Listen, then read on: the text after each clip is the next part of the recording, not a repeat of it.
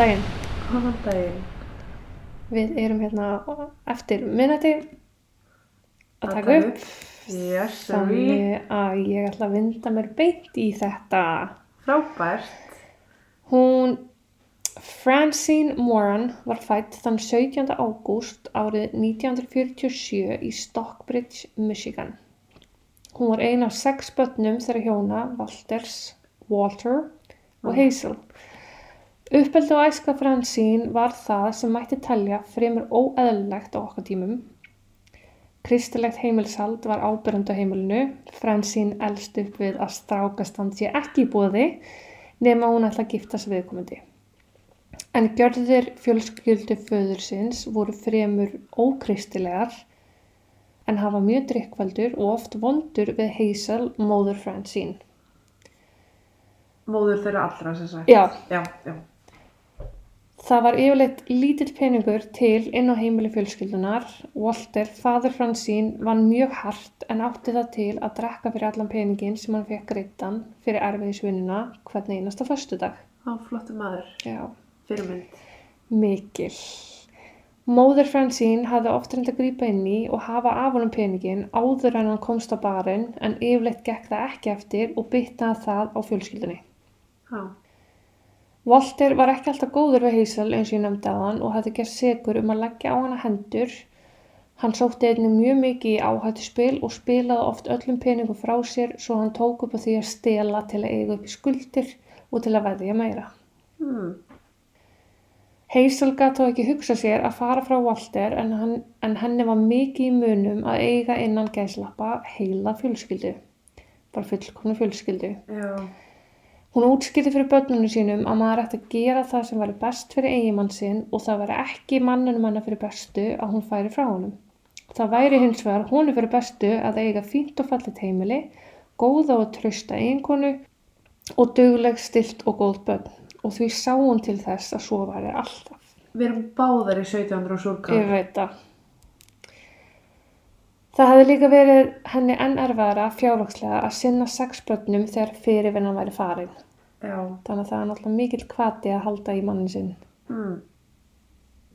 Francine er því með mjög bringlaða mynd á hvað heilbreytt fjölskyldumyndur sé frá blöytu barspinni. En þótt henni hafi verið kent að þetta væri allt frekar eðlilegt þá hlýtur hún að hafa verið ansi meðvituð, um að einhver veri ekki lægi því hún skammaði sín mjög mikið fyrir aðstæðunar heima á sér. Hanna dreymdi um að eiga fallegra líf, betra líf, meiri peninga og hafa það ljúft þegar hún er eldri. Þó að fóreldrar hennar voru lítið mentuð þá gekk Fransín mjög vel í skóla. Hazel hafði ekki einu sinni lært að skrifa og lesa fyrir en hún fór að vera með Walter þegar hún var 15 ára gömul. Sæl. Já. Fransín elskaði að lesa, hafði mjög gaman að því að læra nýja hluti og stóð sér vel í öllum greinum í skóla. Skólinn var þó að víkja fyrir heimilstörfum þegar hún fór að eldast, þegar hún fór að vera nóg gömul til að sinna sískinu sínum og létta undir með fóröldur sínum. Svo slétt undir móður sinni. Já. Af því að hann gerði ekki skýt. Já. Ok? Fransín var því ekki alveg á sama stað og samnefndu sínir og bekkjafélagar sem voru meira upptekin af því sem að 15 og 16 ára krakkar voru uppteknir af. Þeir voru bara að sinna á skólanum og útlutinu oft á tíðum á meðan Fransín sá nánast um heimili og fjölskyldi heima við og kærði sér lítið og í raun hafði engan tíma til að huga öðru en því sem að fórveldrar hennar ætluðist til á henni Uh. að sinna börnunum og heimilinu. Hún upplýði sér líka miklu þroskari en samnefndu sínir sem hún sjálfsagt var í ljósi raunveruleikanar. Ég sko reyndi að skrifa þetta mál eins vel og ég gata því að mamma mín baði með þetta mál. You go girl. uh Það var Francine mikið lukka þegar hún kynntist Sharon Taylor. Sú var jafngumil Francine og kom að heimili með svipum aðstæðum. Þær tengdust á því og urðu bestu vinkonur og Francine fekk tækifæri á að vera bara úlingur. Hún tengdi meira og betur við Sharon og gat að lift sér að blómstra með henni sem 16 ára stelpa. Já. Þar fóru saman út og kíktu í partí og fóru aðeins að huga að útlitinu og aðeins að pæli strákum. Fransín var honum flott ung kona, hún var gullfalleg, eins og sástu myndinni, Já. og strákunir höfðu verið farnir að taka eftir því að hún væri svolítið vel vaksin. hún var sérst ung orðin fyrir eitthvað þroskuð, kom með brjóst og með mér og svona Og var bara að byrja að fá aðtegli frá... Já, og, og þetta þótti henni allir tíð mjög vandræðalegt að vera svona Já. og já, strákunir voru farin að taka eftir henni mjög snemma. Ah. Það var svo í partíi eitt skipti þar sem að vinkonunnar hitta tvo vini. Þá Bill Hensley og James Hughes, en James var alltaf kallaði Mickey. Það heiti Pétur Og kallaði Jón. Ok, frábært. Bill og Sharon svoleiðis smullu og þessi Mickey leit nú út fyrir að vera áhugaverður. Mickey var 18 ára gamall, fættur 1945 og því tveimur árum eldri en Fransín. Það þótti henni mjög spennandi og taldi svo vera að Mickey hlita að vera mjög þroskaður. Mm. Spoiler alert, þeir eru ekkert alltaf þroskaður þó þeir séu eldri. Ég tala reynslu. Svo átt hann bíl sem henni fannst alveg geggjað en hún hefði fram á þessu ekki þekkt neitt á þessum aldri sem ætti bíl. Já.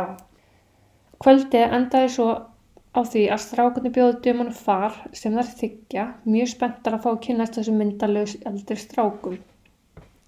Þegar þau voru komin eitthvað áleiðis ferðar sinnar leggur Mickey sem var bílstjórin bílnum.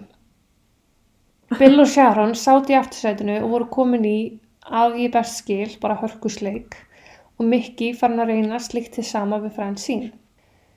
Francine var ekki tilbúin í að kissa, hans, kissa þannig strák fyrsta skipti sem hann hitt hana, sem hún hitta hann Já. og við þetta hálf reytist Mickey og kerði hann heim í kvelli. Þannig að ekki mjög gott first impression. Og bara aldrei. Nei. Einhver síðar hittast þau aftur fyrir tilviljun og Mickey bauð hann á date.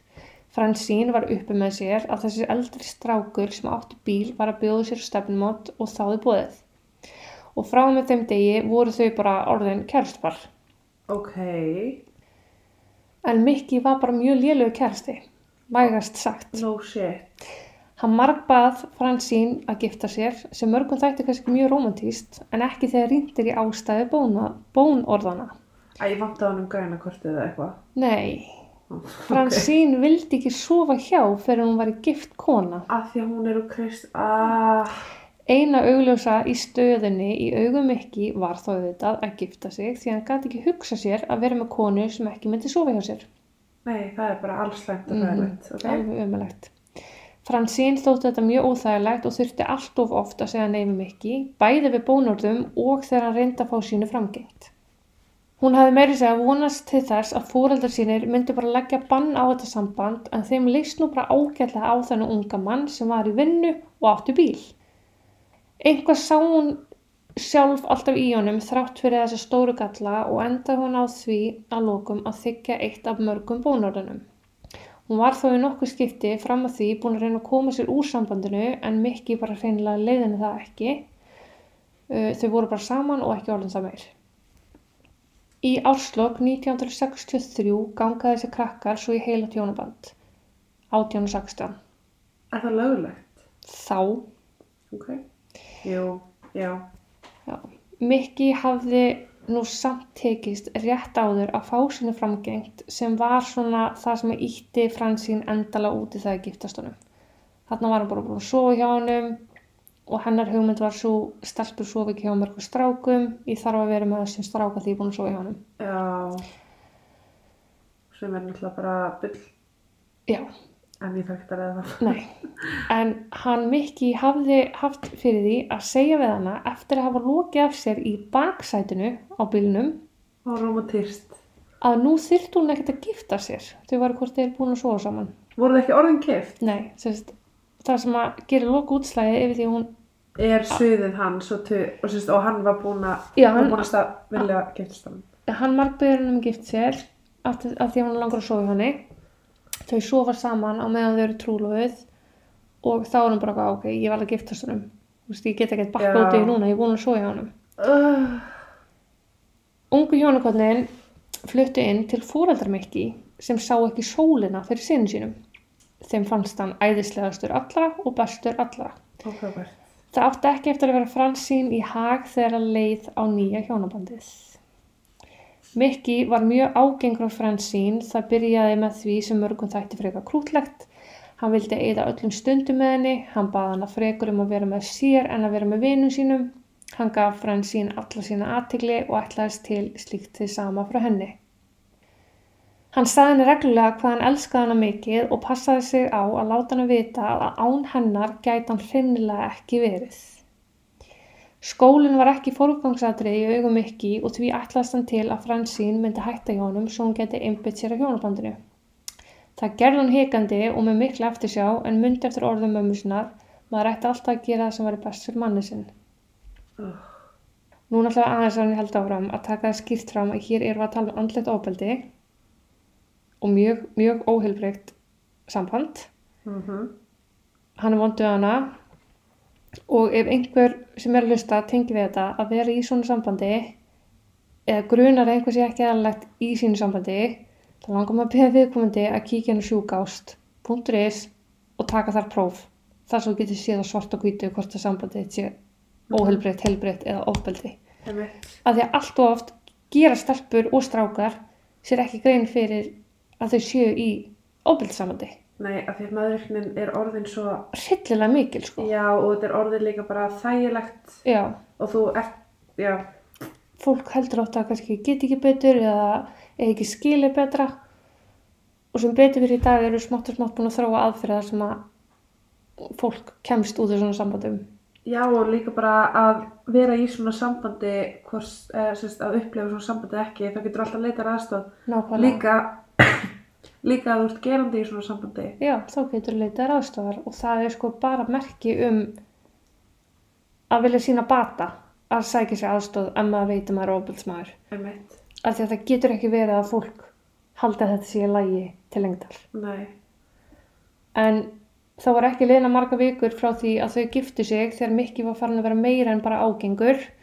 Hann hafði alltaf verið mikill skapundur skoðanaglaður og það vissu allir sem að þekkt hann og því litu allir bara í hinn áttina þegar hann tók sér til og skemmti eitthvað öskra á eitthvað eða brjálaðist við lítil tilefni hann var farin að hafa mikla skoðanir á fatavali Fransín Fransín klæddist fallegum fötum með þeim tilgangi að gangi í augun á þessum nýja eigimann sínum Mikki fannst hún hins vegar vera að klæða sig ofglennulega, fannst hún draga að sér ómikla aðtigli og hann gæti alls ekki hugsa sér að aðri kallmenn horfið á hana.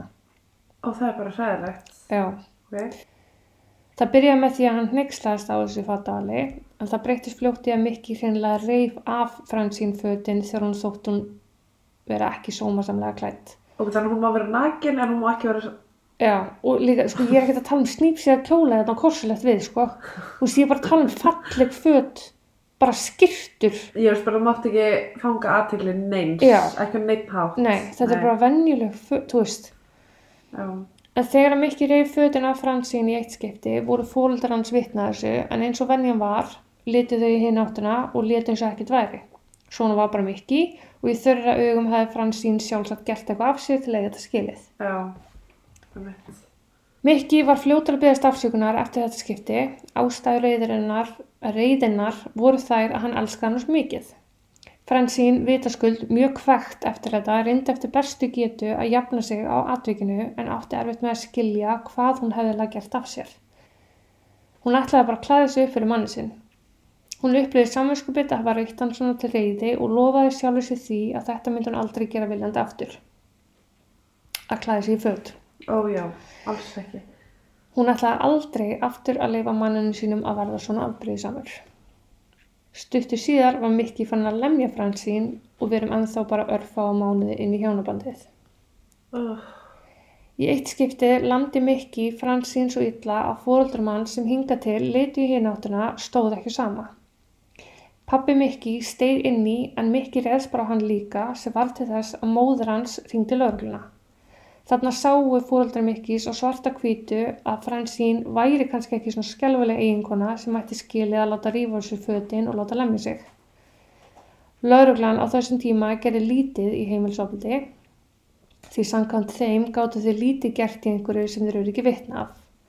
Þannig gerir fastlega ráð fyrir því að morð og aðri glæpir hafi þeir ekki heldur geta leist ef þeir þurft að vera vitni af glæpunum. einmitt. Mm.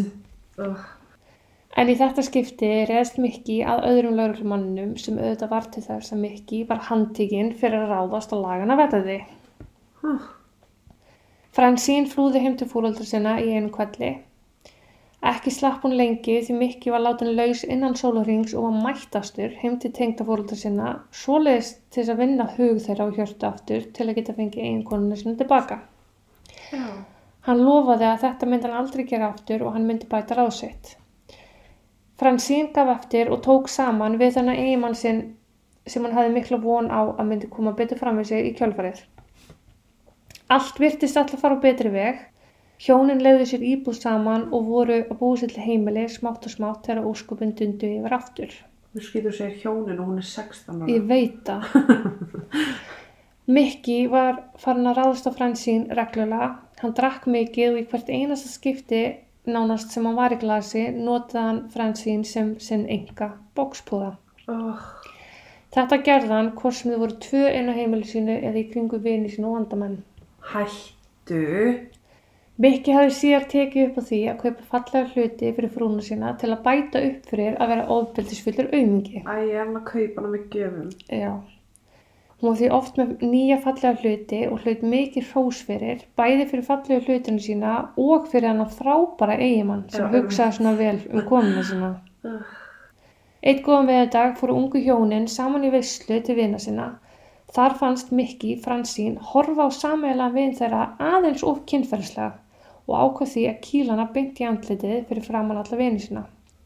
Þetta ger hann líka ef hún var ekki sammála eiginmannin sínum fyrir framann vina fólk og lamdi hana svo enn meira þegar vinirnir letið sér hverfa vegna hver vandrala þau upplöðu sig í þessum aðstæðum.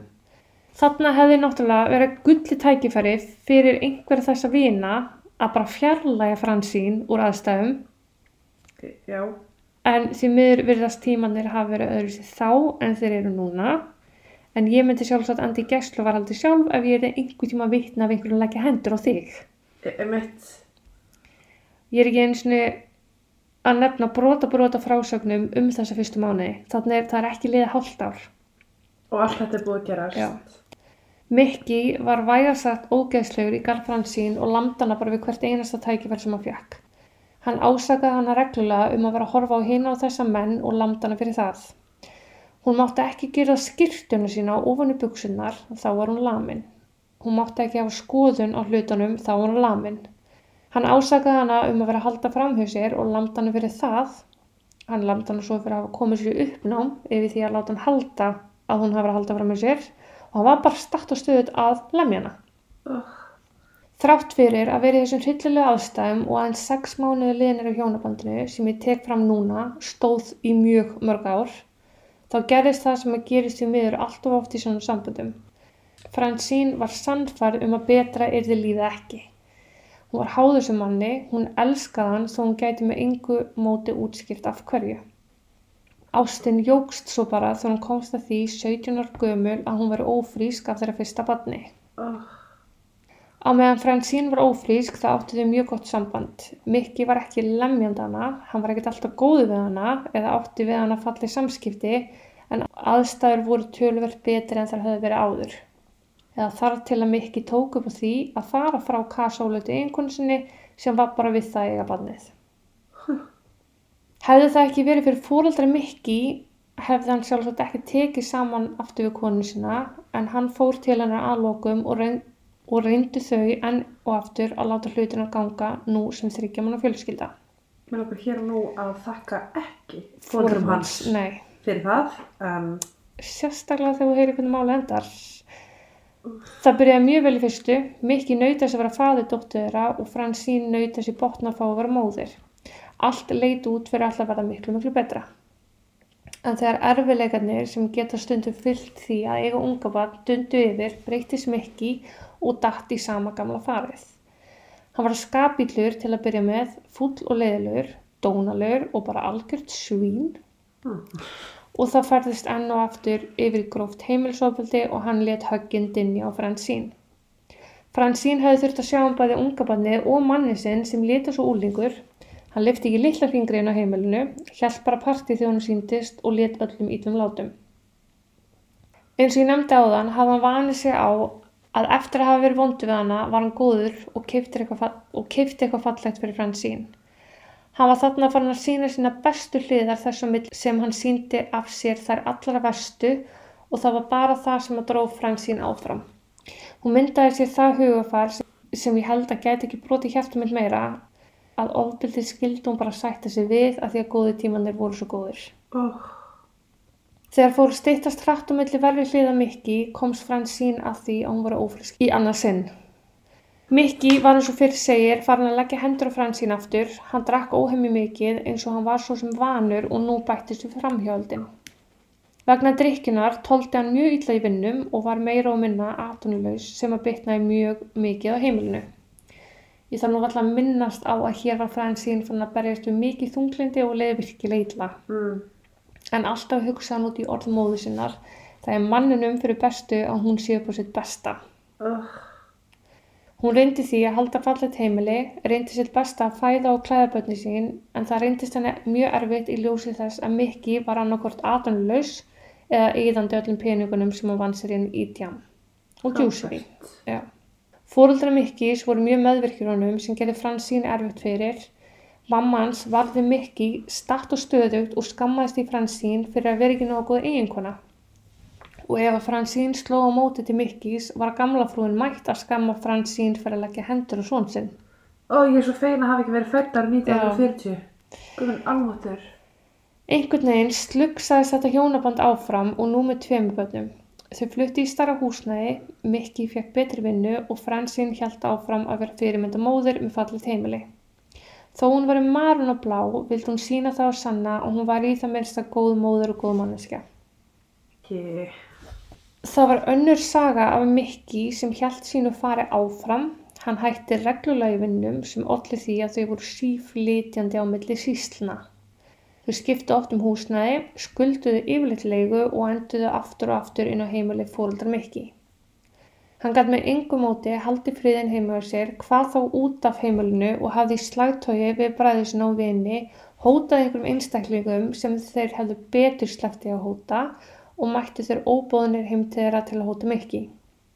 Þannig að Fransín var ekki bara kljóst við ástandið á eigimannin sínum að eiga hættu á að vera lamin við minnsta tilöfni, heldur voru einhverjur úþokkar fættin að banka upp á honum. Já, hótandi öll líflu. Líka með bönnin, sko. Já. Hún var því orðin verulega einangruð, var með mjög mikinn kvíða og hreinlega áfallastreituröskun í kjölfar alls sem hún hefði gengið í gegnum á nokkrum árum. Áfallastreituröskun var ekki einhvað sem var þekkt eða viðurkjönd líka við Nei. á þessum tíma sko. En hún gaf sig alla í uppeldi barnanu sinna og passaði upp á að þeim liði elskuð og vöndu þó það væri svo sannlega ekki það sem hún var sjálf að upplega. Hjónabandi vestnaði, börnin eru þrjú. Oh my god. Mikki fór að leggja hendur á börnin líka og Fransín átti orðið erfitt með að færa þeim mat á kvöldin.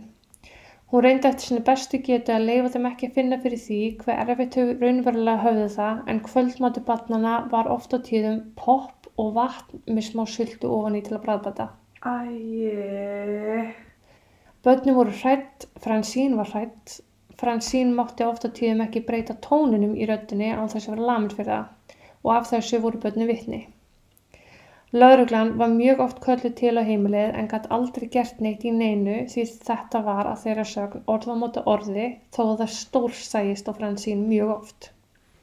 Þórdís að ránkóla augunum hérna. Bara í... Mikki var farin að neyða Fransín til að sofi hjá sér eftir barsmiðanar sem lét hann að líða enn vel. Hann var bara nöðginni. Uh. Fransín hafði reynt að skilja við Mikki þegar hún hafði eignast sitt þriðabann. Hún hafði farið niður á félagsskrifstofuna og vildi sækjum fjárhagsafstóð. Mikki let hann ekki fá neitt pening til sinnabötnunum og hún hafði engin annar ráð. Einmitt. Fjölskylduráðgjafinn sá að eitthvað mikið væri að en sagðist ekki geta aðstóðana vegna þess að hún var gift og fjárhagsaðstóð væri ekki fyrir hjón, einungis fyrir fráskilda mæður. Mm. Hann sagði Fransín frá því að hún gæti bara sótt um skilnað hjá sér hér og nú. Fransín ákvaða stökk á tækifærið en var næstu búin að hætta við að það þurfti að borga þjónustugjald til þess að sækjum skilnaðin. Þjónustugjald sem hún áttir hennilega ekki fyrir. Félagsráðgjafinn gaf henni þann litla pening sem þurfti til að greiða þjónustugjaldið svo að Fransín geti fengið að sækjum fjárhagsastóðina. Þar með voru þau skilin og vonin um betra líf svo mikil hjá Fransín. Það leið þó ekki löngu þar til að Mikki var farin að banka upp á. Hann vildi hitta börni sín og notaði þau sem afsökun stakt og stöðug til að komast inn á heimilið.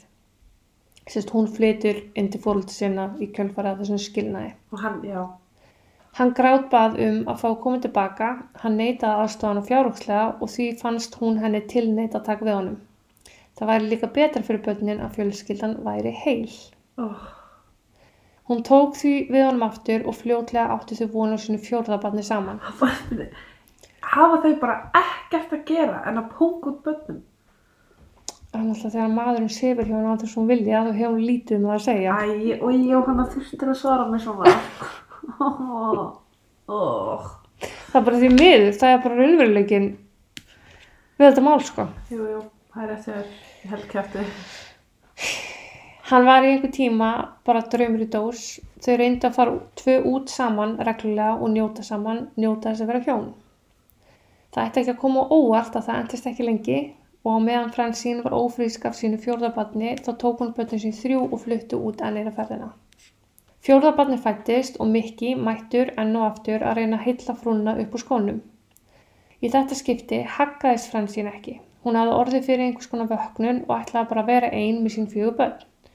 Hún upplöði sig loksins frjálsa. Hún fann að hún hefði ekki þess að þörf lengur að vera með Mikki. Hún var loksins að finna sjálfströst í að vera einu óstödd.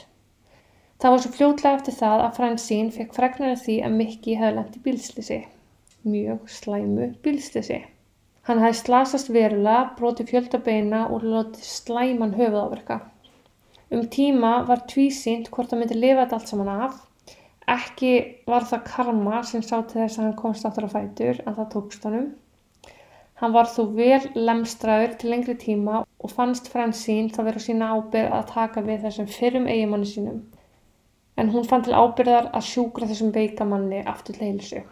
Æi. Höfuð áverkanir dróði dilku eftir sér. Mikki var nú slæmur karakter fyrir slísið en enn verri eftir slísið.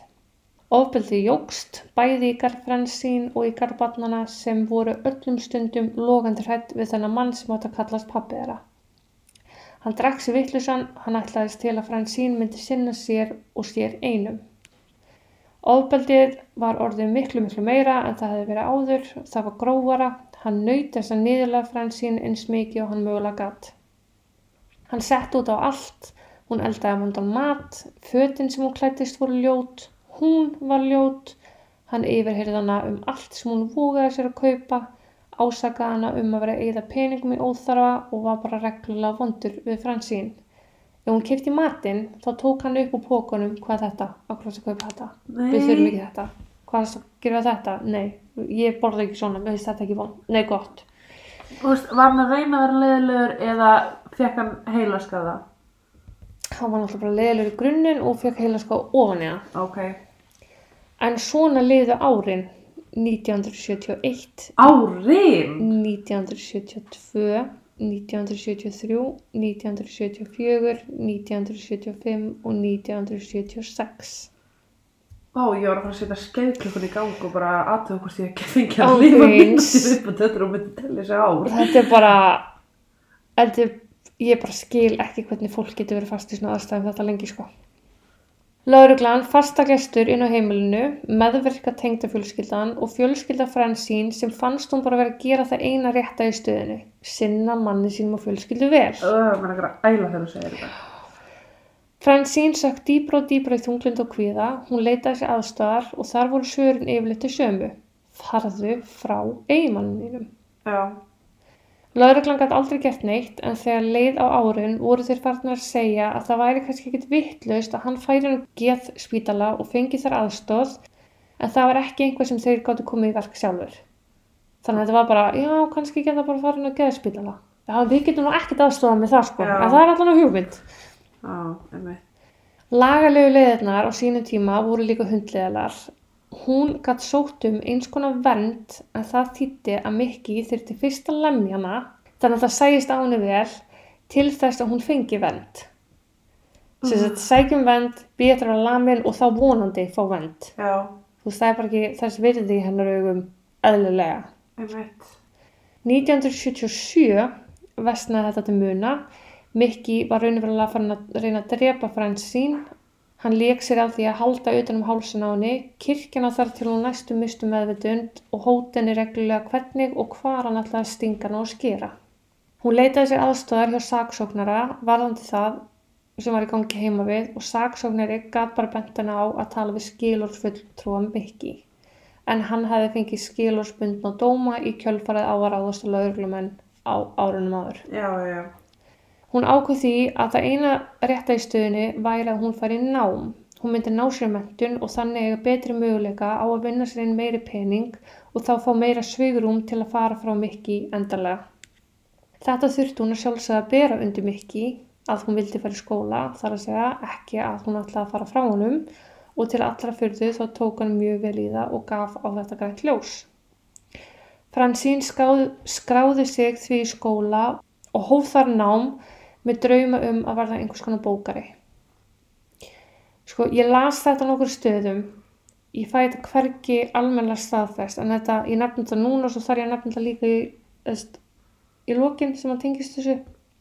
En sagan segir að í gegnum samnefnda hafa hún kynslauglumanni Sá sagðist vera að ganga í gegnum skilnað og Fransín fjallega bara killiflöt fyrir þessu myndalega lögrumanni. Hann bauði henni á almennlegt stefnumót og hrósaði henni í gríð og erg og heitlaði henni upp úr skónum og úrvarð að þau fóru heim saman og sváðu saman. Ekki eftir þess að fara að segja mér að hún sé úlita banninu. Nei, ekki svona. Ok. En því miður, setna sama kvöld, komst Fransín að því að lögreglumæðurinn frábæri væri raunverulega hamingisamlega giftur og vildi því lítið með hann að hafa. Æi. Það- var gott til að vera sagt. Já, og þetta var bara til að flækja aðstæður og hún gæti ekki hugsa að enda hvernig myndi Mikki bræðast við ef hann kemst að þessu. Já, einmitt. Það var svo 9. mars árið 1977 sem að Fransín fjakk einhvers konar kjark. Hún ætlaði að fara frá honum. Hún var búin að hugsa þetta fram og tilbaka daginu undan, hafði hingað til alltaf hugsað um að auðveldast væri að fyrirfara sér, en hún gati ekki hugsað sér að skilja börnin sína eftir í þessum aðstæðum. Nei. Hún þurfti að gera einhvað. Mikki hefði komið fullur heim þannig dag, byrjaði á að rífast í henni að nú var komið tími til og hún myndi anskotans hætta þessum skóla. Skólinn var bara algjört bull. Hann reifst í henni yfir því sem hún hefði keipt í matinn, þetta var allt saman peningreðsla og ógeðslegu matur. Það þróaðist ansið hrætt í að Mikki lit höggindinn hjá henni þar til hún var alblóðug. Hann skipaði henni að kveika í skólabókunum sínum sem hún gerði með tárin í augunum, hrættum að hann myndi gera börnunum megin. Mikki hjælt áfram að láta höggin dinja á Fransín og fór að hóta henni að í kvöld ætla hann að drepa hana. Hún hefði reynt að láta eins og lítið væri að barnana vegna en þegar ástandi vestnaði þetta mikið og þetta hratt ákvað Fransín að kalla dóttur sína til hún myndi ringi laurugluna. Lauruglan var mætt skömmu síðar enn eina ferðina. Mikki hagaði sér eins og maður á meðan þeir voru og þegar ég sagði hagaði sér eins og maður, hann bara hætti að lemja hana. Hann reif samt stólpa kæft bæði við lauruglu og öskraði á Fransín að hún veri döðans matur um leið og lauruglan veri farin.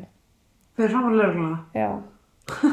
Lauruglan enn og aftur gæti ekki gert neitt og letur sig því hverfa. Gat hún ekki tekið hann og börnin í burtu? Af hverju ekki? Nei. Og heima að bjóða þið far. Andreas. fara ekkert. Bara, Ég skal skuttla þér. Ég skal koma og sækja ykkur. ég veit það. Það er bara svo mikið af fólki sem er þessu í gegnum svo, svo mörg ár Aha. og bara engi gerir neitt. Fattar ekki að stíga inn í. Nei. Þetta er svona, hvað sagði þú um daginn? Já. Finnst þetta ekki komið sér við? Nei. Oh. En Fransín fór þarna eftir að lauruglan fór að reyna að huga kvöldmat fyrir börnin en Mikki gerði henni erfitt fyrir. Hann reifst í henni að hún þurfti að skila bílinu sínum sem hún hefði nýlega keift til að komast í og úr skóla. Hann sagði að ef hún ekki skilaði bílinum fær hann út með sleggjuhamar og myndi rústa hann sjálfur. Hann hjælt látunum áfram þó Fransín var að gera sitt besta að undirbúa kvöldmat fyrir börnin. Hann kastaði matnum í gólfið, hann kastaði lirtöun í gólfið, hrindi Fransín sjálfri í gólfið og makaði rusli og matalöfum í hárið á henni og andlit. Ó, hvað sem ekki niðurlægi. Ógeðslega mikið niðurlæg sko. Hann tók upp hníf sem hann hjælt að henni og sagði að nú væri henni allri lokið og allt var þetta að gera svo framann fjögur börn sko. Þegar hann hafi lokið af sér barsmiðunum skipaði hann Fransín að alltaf sinni í herbyggi þar sem hann nýtt hana til að sofa á sér og þar dó hann svo áfengstöða. Fransín ekki bara ösku reyð eftir allt sem hefði gengið á heldur líka skítrætt ákvað hún að nú yrði hún eitthvað að gera. Hún þyrfti að gera eitthvað til hann geti aldrei komið nálat sér eða börnunum aftur. Hún gæti ekki upplifað fleiri niðurlægingar, fleiri barsmíðar, fleiri nauðganir, meiri særindi og fyrst og fremst þá gæti hún ekki búið börnunum sínum upp á þetta lengur. Hún hrúaði börnunum út í bíl sem grátbáði mömmu sinni um að koma aldrei aftur heim. Þau grátbáði hann um að keira bara burtu og snúa aldrei tilbaka. Fransín skipaði þeim öllum að býða, hún kemur rétt strax aftur. Því næst tók hún bensinbrúsa sem var inn í bílnum og gekk inn í húsið þar sem að Mikki lág áfengistöður nakin upp í rúmi. Í algjöru geðstræningu tæmdi hún úr bensinbrúsunum ringin í kringum rúmið sem að Mikki lág í. Bakkaði róla út á herbygginu, kveiktu allt spýtu og hendi í gólfið. Og ég er svo mikið brent á hann teipið af. Ég hugsa eldurinn hafa alveg síðan það sko. eldurinn blossaði upp, hann dreyði sér bara mjög hrættu örgla eins og við var að búast, enda bensín út um allt golf. Hún hljóp síðar út til barnaninn sinna sem beði út í bíl og huggaði þau og brunaði burtu. Stefnan var tekin rakleiðis nýra lögurlstöð en þar gekk hún inn og saði gríð og erg I did it, I did it. Lögurglann skildi nú ekki alveg hvað hann stóð á sig veðrið, gerði sér grein fyrir að um væri líklegt þar að íkveikju og reyndi að fá upp úr henni meiri upplýsingar. Hún sagði þeim frá því að hún hafi kveikt í húsinu sínu með Mikki, mannin sinn, ennþá inni. Þannig að íkveikju rannsók breytist því að ógnarhraða í morðrannsók og Fransín var farð til yfirreyslu. Hún sagði frá þessum rúmið 13 árum sem hún hafi búið undir gríðarlega ofbeldi. Það vissi lauruglan mæta vel en það margóft mættanga sjálfur. Mhm. Þeir höfðu mikla samúð með henni hvað þetta varðaði en engaðu síður hún kveikir í á meðan Mikki er sofandi. Það geti tæpast verið tekið gilt sem sjálfsvörn. Af hverju keirðum bara ekki burtu velduður fyrir sér. Saksóknari veldi því saman fyrir sér og var því ákveð að ákjara Fransín fyrir morð af fyrstu gráði. Rök saksóknara voru einfallega að gjörður Fransín var ekki að flokka sem sjálfsvörn. Það er alveg rétt. Já, Mikki var nefnilega sofandi þegar verknæðurinn var framinn. Já. Hljóðið hjá saksóknara, saksóknara var svolítið bara, býtu, akkur fólum bara ekki frá honum? Já. Akkur skildum bara ekki við hann? Hverju keirðum bara ekki með börnin lengst í burtu og let aldrei sjá sig framar? Það er til hann finnur hana. Já, það sem saksóknari áttaði sér nefnilega alls ekki á var að hún hefði reynt þetta allt saman margsinnis. Já. Hún hefði sótt um skilnað. Mikki heiðraði ekki skilnaðin. Hann mætti heim til móðurinnar þegar hún flúði þangað og alltaf náði hann að lokka hana heim. Hér er ég auðvitað ekki að verja gjörðir Fransín en fjandinn hafa það, ég held að við séum sammála um og það sé auðvöldlega hægt að setja okkur í hennar spór Ég mitt. og skilja verknæðin. Fullkomlega. Já, ég, ég skil hana mjög vel allavega. Það hefði verið alveg típist að Fransín hefði verið útlutað einhvern lögmann sem væri óskilningsríkur og bara tilbúin að sjá aðra hlið málsins, svona miða við allt mótlætið sem Fransín var fyrir start og stöðugt.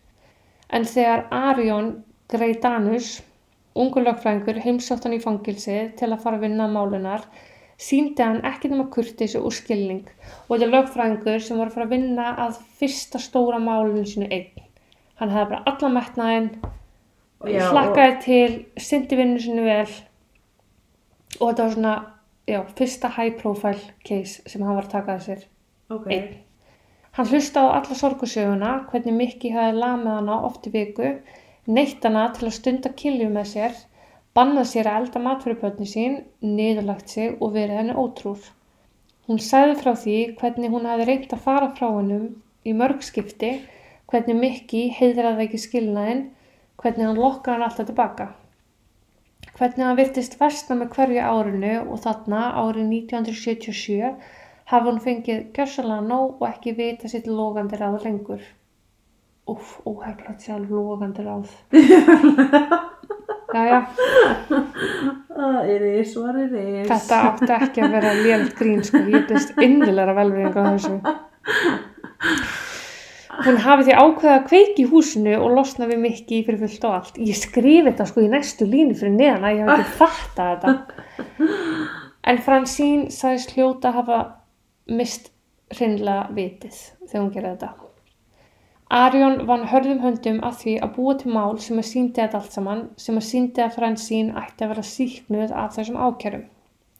Ákjæruvaldið hins vegar vann hart að því að Fransín yrði fordæmi fyrir aðrar konur. Fjölmiðlar kleiftu málið í sig, margir skrifuðu um stuðning í garð Fransín, aðrir fjölmiðlamenn sótust í viðtöl við fólk sem gatt sínt Fransín bara hreinlega í raungu ljósi. Nágrannir hennar vildu ólm láta taka við þessu viðtöl og töluðu um að jújú, hún var nú lami reglulega og það vissuðu öll, en morð. Morð væri sko alltaf morð og morð er ekki lægi.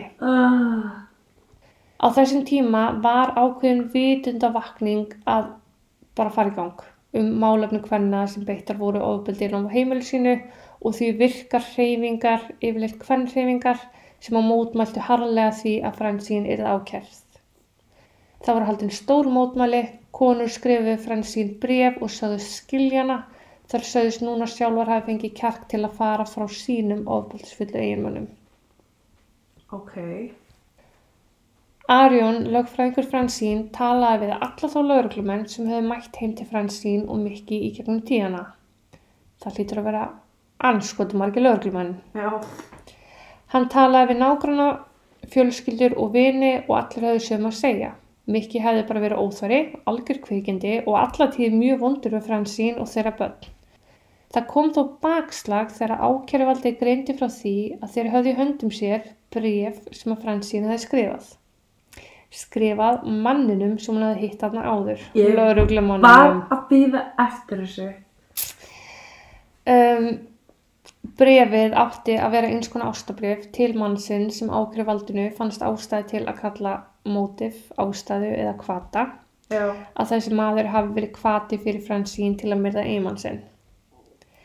Arjón gekk á Fransín og spurði hana út í brefið. Hún hafði bara greið verið einmanna. Já. Þetta var eins konar flótti að skrifa þessu manni bref. Bara þetta var eini maðurinn sem hún hafði átt í einhverju samskilju við fyrir utan eigimann sinn. En því taldi Arjón enga ástæði til að horfa á þetta bref sem einhvern kvata eða að staðrindin að hún hafi kannski verið skotin í þessu manni hafi verið einhver ástæði til þess að hún kveikti í heima á sér. Já. Svo kom reyndar ljós að maðurinn hafi fyrirfærið sér en að brefi skilaði sér til hans. Hann hafi verið bendlað við badnamísnótkun og hafi fyrirfærið sér rétt fyrir réttröldin. Þannig að þetta var nokkuð sérstaklega góður lörgumær. En réttarhöldin byrjuði svo í oktober 1977, sjö mánuðum eftir atvikið. Fransín hafði setið inni allan tíman en fann þó fyrir þeim stuðning sem að fólk hafði sínt. Alls konar fólk var viðstætt réttarhöldin, þau voru opin og því fleiri fleiri manns velkomnir að skoða og heyra. Og mér finnst það skrítið. Það er skrítið, sko. Af því þarna voru sko kvennhreyfingar, bladamenn, ókunnugt, forviti fólk, fjölskyldur, bæði Fransín og Mikki á samböndu þeirra sem voru aðnöld líka. Af hverju ætti ég að vilja mæta við svona? Forvitni. Bókstaflega. En það er, þú veist, það er flest oft sem að svona réttarhöld eru Ja, það er mjög oft sem að réttarhöld eru opin. Nefn að sé, þú veist, ef það eru börn, já, sérst, já, eða svona high profile cases eða eitthvað svona sem er mjög viðkvæmt. já, að þá eru réttarhöldin lokuð en annars eru þau opin og svo á sama tíma, ég, þú veist, veit ekki hversu margir eru actually að mæta. Nei, en svo þarna, þetta var bara náttúrulega big thing. Þú veist, þetta var stórum mál að þarna var eitthvað kona sem hefði drepið eiginmann sinn. Já, En þarna voru þarna bæði fólk sem að hata hana fyrir það og fólk sem að dýrka hana fyrir já, þannig hún var með bæði. Já, Hvora meginn sátti fóreldrar hans? ég bara veit það ekki.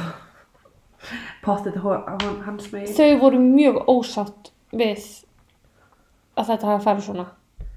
Þú veist, auðvitað vilt ekki missa barnið og þú trúið best upp á barnið að sjálfsögðu og þú veist, ég er ekki að segja að þetta hafi verið bara, hún hefði átt að gera þetta klálega ekki. Nei, þau En unnu það- mjög hart gegn henni sko. Já, ég get ímyndað með það. Því, þú veist, fyrir þeim er þetta ennþá bara þeirra og þeirra var alveg Var 100% myrt. sko. Já. En á sama tíma, þú veist, Ég held að það er örugglega mjög auðvilt fyrir okkur að ætlast til að þeim að setja að þau setja sig í fransín spór.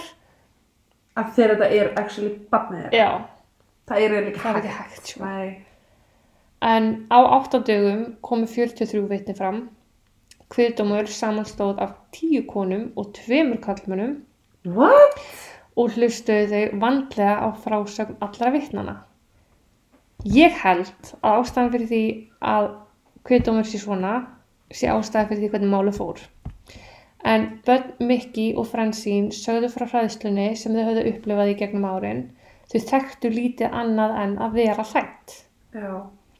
Þau sögðu frá því hvað mamma þeirra reyndi sitt besta að hilma yfir það sem gekk á en Mikki hafi oft staðið á sama og bara leiftum að horfa upp á viðbjöðin. Ugh. Fransín sagði sína sögu og til að gera afskaplega langur sögu stutta þá var Fransín að lokum síknes. Hún var talin hafa kveikt í í einhvers konar stundabrjáliði og var sem sagt dæmd not guilty by reason of temporary insanity og var sleppt laus. Þú veist, í rauninni allt sem kom fram í réttaröldunum er nákvæmlega sem ég er búin að nefna hérna Já. á undan. Já. En mamma hennar sagði við hana eftir hún var laus allra mála Well, you did what was best for your husband sem er frekar kalt hannislegt af því hún er bara að vísa í það var best fyrir hann að deyja Ég veist ég hafa þetta bara. Og þetta er eitthvað ókesslega brandari sem hann er svona góð. Nei, þetta er bara, ég held að henni bara graf alvara, alvara Oh my god. mm En í kjölfaréttarhaldana vaknaði enn meiri vitundavakning á meðan á meðal bandaríkjumanna hvað marga konur höfðu það raunverulega skýtt og talað var um að á átján sekundna fresti væri kona lamin á maka sínum Í heiminum. Eða í í bandaríkjunum. bandaríkjunum, Í bandaríkjunum. í bandaríkjunum á þessum tíma. Nú er tölvöld meira fólk í bandaríkjunum Já. og heimilisofbeldi er jafn stórt vandamál ef ekki stærra í dag Já, sæl. En fólk hætti allan að tipla tónum í kringum þetta og afleðingar fóru að fylgja því að leggja hendur á maka sína. Samfélagi gutteraði þetta ekki eins og við lengur. Kvikmynd og bók var gerð um hjónaband Francine, The Burning Bed. Og þetta var sko bók sem fyrst gefin út sem að bara allar konur voru með í bókaklúbnum í gangi. Já. Og kvikmyndin það er talað um þegar hún frumsýnd að þú hefði getað heyrt sömnált þetta í sömum borgum og bæjum. Af því að það voru bara, Allir, Allir. að horfa. já, ok. En Fransín gætt nota peningin sem var nú fremur lítill sem hún fekk af sölu bókarinnar í að kaupa sér lítið hús. Hún kynntist síðan manni sem hefði sjálfur setið í fangilsi fyrir vopnað rán. Þrátt fyrir slæma fortíð var hann til allra vilja gerður og vildi Fransín og bönnum hennar alltaf besta. Ok. En eftir sjö mánuði í fangilsi hafði Fransín reynt að fjallaði sig frá börnunum sínum vegna ótta um að fá aldrei hitta þau eða sjá aftur. Þannig að hún var bara svolítið búin að deyfa tilfinningar sínu í garðbarnana eins og sem eina lýsingin sem ég Já. hef á því. En hún átti því erfitt með að setja sig í hlutverk móður aftur og var ástandið frekar strempuð um tíma. Bönnin notuðu á hana óspart og hún geti ekkit sagt við þeirra prakkarastrikum. Þau var ekki morðingi eins og hún sjálf. Ha, Já. ok.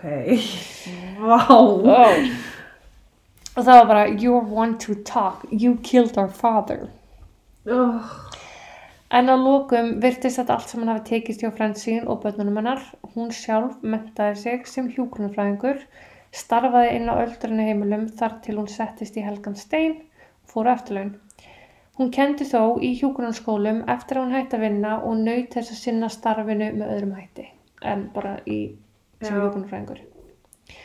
Hún átti fallið líf með eiginmanni sínum og börnum, var amma og svo langama 2016 fekk hún þó slæma lúnabólgu sem hún náði sér aldrei almennilega upp úr og lést árið 2017 þá 69 ára gömul.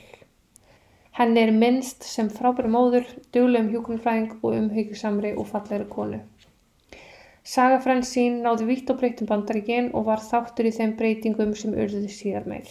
Allar lagagerðir og Já, hópar og verkefni og annað, það var allt, flest allt sprottið af þessu. atviki. Já, Sagan hennar var til þess að fleiri fleiri konur fengu kjark til að ganga út frá mögum sem beittu ráðbeldi en eins og ég sagði á hann, heimilsráðbeldi er þó enn gríðarlega algengur glæpur í bandaríkjunum en þá í dag því miður. já. Á báða vegu. Á báða veguna bara. Já, alveg klálega sko og það er bara, ég ætla ekki neitt ekki smáðis að draga úr því að konur beita ofbeldi eins og kallmenn sko nei, bara ekki vitum þó að vilji þannig vera að- að ég sé með kallmann sem að lemur konunni sinna í þessu tilvægi. Einmitt. en þetta er alltaf hana morð en engin dæmdur eða þú veist E, já. Oh my god. Þetta var mjög þungt mál að skrifa og ógeðslega sorglegt Já, þú veist, ég bara varst að grænjandi í fimm tíma með að þú skrifaði um þetta. þegar, skrif, þegar ég las þetta með poppið og sultuna í Æ, vatnið ó, hættu þessu. ég fekk tár í augun Já, sko, ég skil það bara. að ég líka bara sem móður mín stærsta hræðsla er að eiga ekki mat fyrir börnum Já, pælti ég að bragðbeita vatnum með sultu. Æ, það ó, er bara að brýtum hann að heyra þetta og mér finnst alveg hryllilegt að vita til þess að fólk hafi það svona slæmt. Mér finnst það alveg umulegt og ég vildi ég geti hjálpað með öllum. En ó. En Já. þetta er allavega maður saga sem endar á ykkur tátt vel. já, hún fekk þó alveg betra líf og það er fyrir öllu. Og börnin hennar náði að vinna vel úr þessum áföllum. Sömulegis hún sjálf. Já, þó að það hafi sjálfsagt verið mjög erfitt um tíma já, En- svo líka bara, þú veist, eins og auðvitað er þetta aldrei þannig sér réttlætalegt að hún hafi drepið hann. nei, Þá enginn skilið að deyja. nei. Jú, jú, þú veist, en samt. já, En á sama tíma kannski líklegast ef hún hefði ekki tekið á skarið þá hefði- hún líklegast manneskjan sem að lægi núna. Og börnin sko enn vera sett. Og börnin mögulega einhver af þeim kannski ekki á lífi, skiluru en eins og bara ef að mammans hefði ekki suðað í honum Já, að taka konuna sem tilbaka þá hefði hann látað hann að vera. Já og ég vil nú ekki að hún byrja það eitthvað á samvinskunni sko. En röð til en röð tilveljana bara dísas Já, frekar mikil óhefni.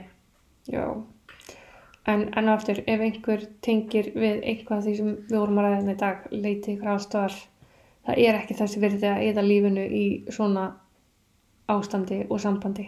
Nei, og þegar ég alltaf betra skilur sko. Einmitt. Mér finnst ég bara knúin að nefna það hérna í lókin en klukkan er honum rosalega margt þannig að við ætlum að þakka fyrir okkur dag. Já, segjum bara þar til næst. Það er til næst og takk og bless. Takk og bless